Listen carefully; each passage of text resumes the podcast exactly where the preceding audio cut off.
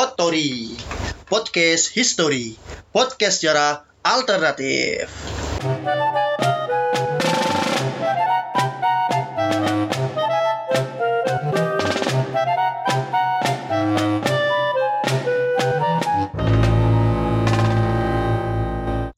Halo, Anda sedang mendengarkan Potori Indonesia. Podcast yang membahas sejarah yang jarang dibicarakan orang-orang dan membahas orang-orang tanpa sejarah Selamat tahun baru. Selamat tahun baru semuanya walaupun agak telat ya. Iya. Sudah 8 Januari 2020. Sudah seminggu lewat ya. Hampir seminggu lewat. Baru awal tahun tapi banyak hal yang terjadi yang mungkin tidak mengenakan dunia mungkin ya. Iya, kita semua sih sebenarnya Hmm. sih. 2020 yang biasanya bikin resolusi ini itu ini itu. Alah. Tapi ternyata udah diterpa sama banjir, terus sama berita, Berita perang. Perang, berita Reinhardt Reinhardt Sinaga. anjir ya sumpah. Itu ngeri sih sumpah. Jadi kayak segala wish, segala kebaikan yang kalian buat pas akhir tahun 2019 itu mendadak sirna gitu loh. Kalian kurang mengerikan apa? Bangun tidur ya kan setelah merayakan tahun baru tiba-tiba ada banjir ya kan kaki kalian kena kutu air ya kan. Aku sempet baca tweetnya dia Anugrah. Jadi dia tuh kayak Apa? penulis ya sastrawan dia hostnya asumsi asumsi.co ya Hmm. kan terus dia nge, nge, nge-quote tweet yang intinya bahwa 2020 kita harus pegangan tangan ya kan Mm-mm. karena awal tahun udah banjir akan ada ancaman perang dunia ketiga Mm.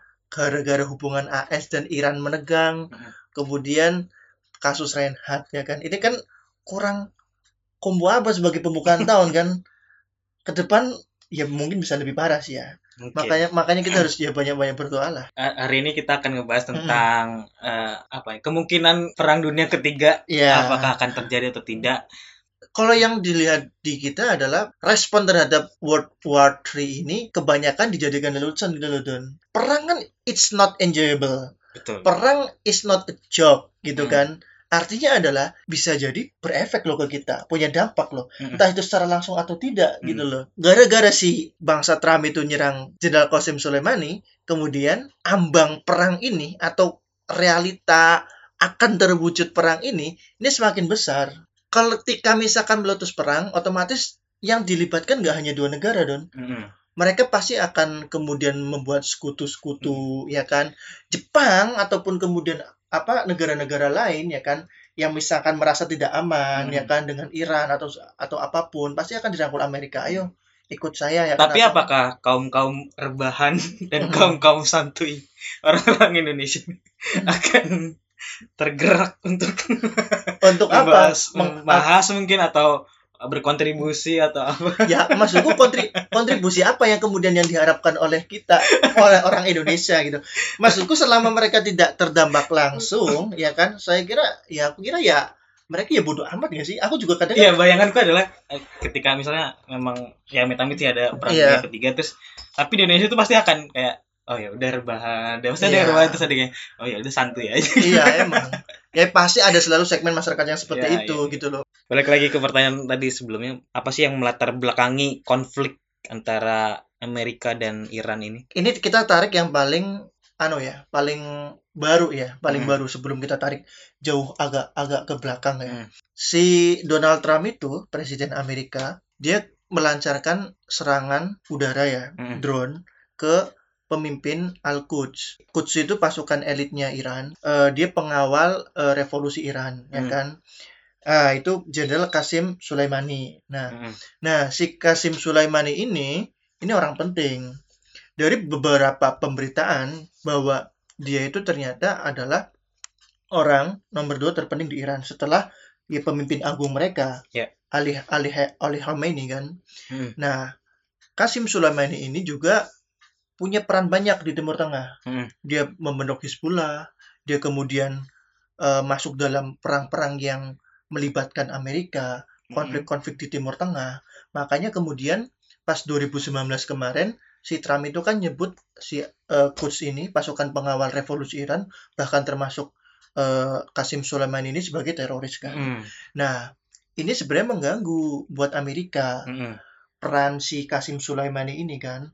Makanya kemudian si Trump itu melalui Pentagon ya, Departemen Pertahanan Amerika melancarkan serangan. Hmm. Sebenarnya serangan ini pun tidak direstui sama parlemen Amerika. Parlemen Ya. Amerika kemudian apa nagih ke Trump bahwa tidak ada konsolidasi atas serangan ini. Jadi serangan ini tiba-tiba mendadak setelah itu terjadi kemudian eh, Pentagon baru mengumumkan bahwa ini atas perintah Presiden Donald Trump Hmm. gitu.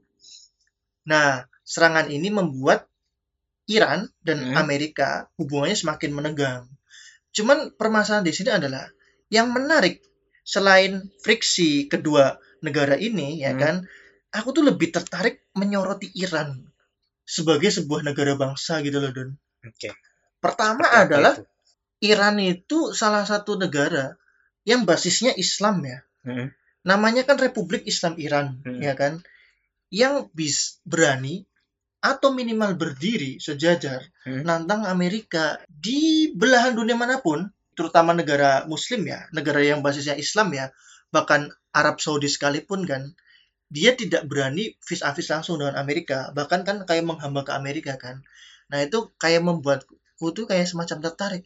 Iran ini Hmm. sebagai sebuah negara bangsa di bangsa seperti apa? Terus sejarah apa yang kemudian membentuk mereka gitu loh kalau kata Hegel eh, dia filsuf Jerman dia ngomong bahwa Persia adalah kerajaan atau bangsa dengan peradaban pertama di dunia.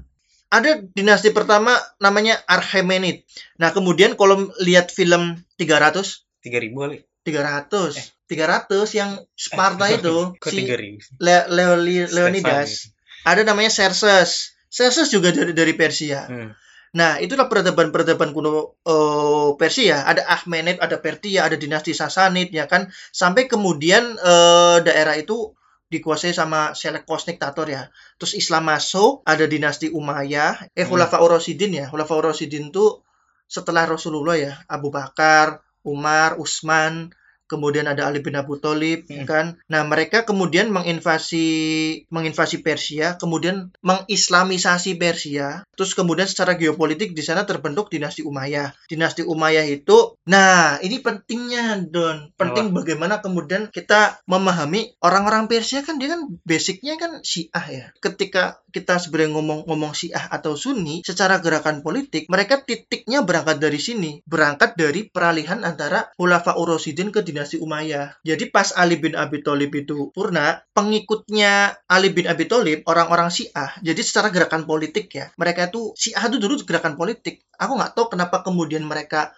menjelma menjadi gerakan keagamaan yang di kita itu kayak semacam apa ya semacam didemonisasi gitu loh jadi kayak setan banget gitu loh kalau kamu syiah tuh kamu setan banget gitu loh dari gerakan politik itu mereka kan dukung Ali nih otomatis mereka dukung cucunya cucunya Nabi Muhammad kan nah si Husain ini tapi lawan politiknya itu namanya Muawiyah Muawiyah bin Abi Sufyan si lawan politiknya Husain ini cucunya Nabi ini kemudian mereka bunuh Husain jadi kepalanya kan kemudian dibacok kan Hmm. Terus kemudian ada yang bilang bahwa kepalanya juga ditendang-tendang yang kemudian Hmm. jadi cikal bakal sepak bola ya kan padahal nggak juga.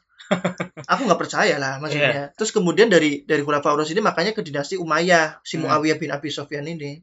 dan kematian Husain tadi yang sempat diceritain tadi eh, itu asal usul dari eh, bendera merah yang Benar. sekarang dikibarkan Ah, ah, jadi setelah kematian Soleimani ya kan kan di masjid salah, salah satu masjid di Iran kan bendera merah dikibarkan kan. Hmm.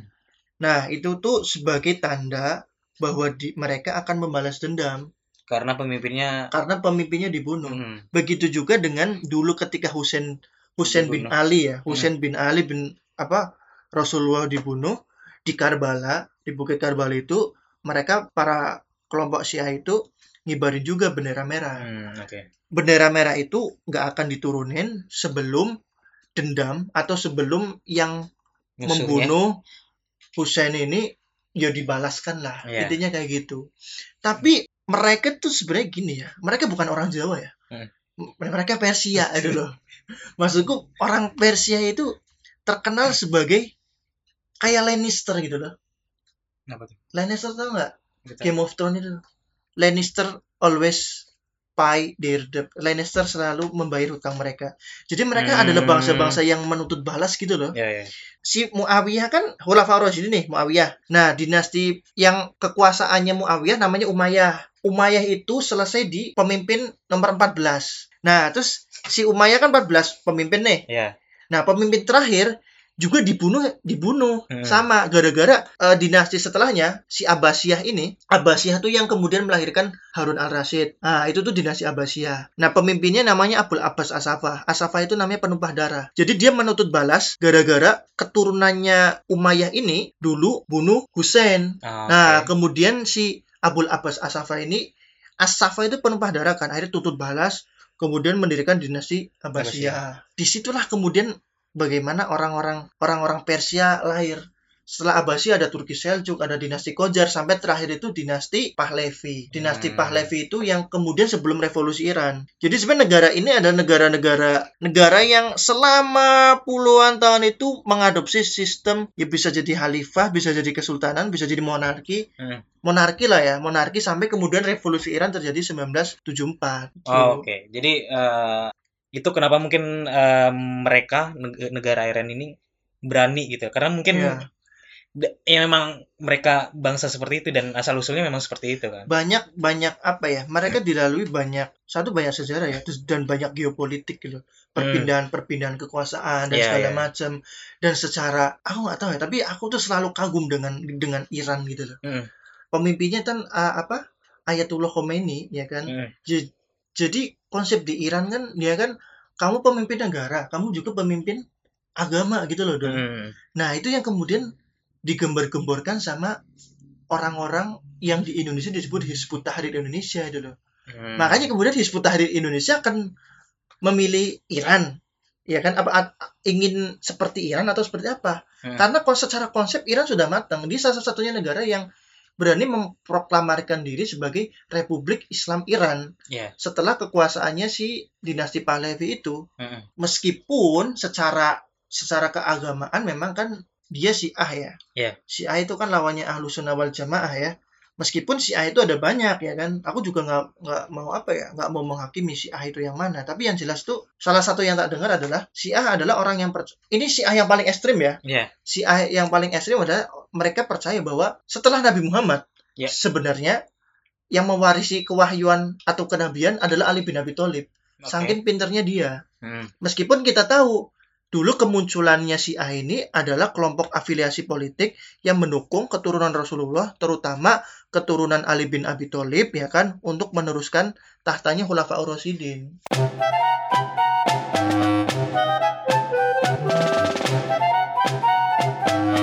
Potori, podcast history, podcast sejarah alternatif.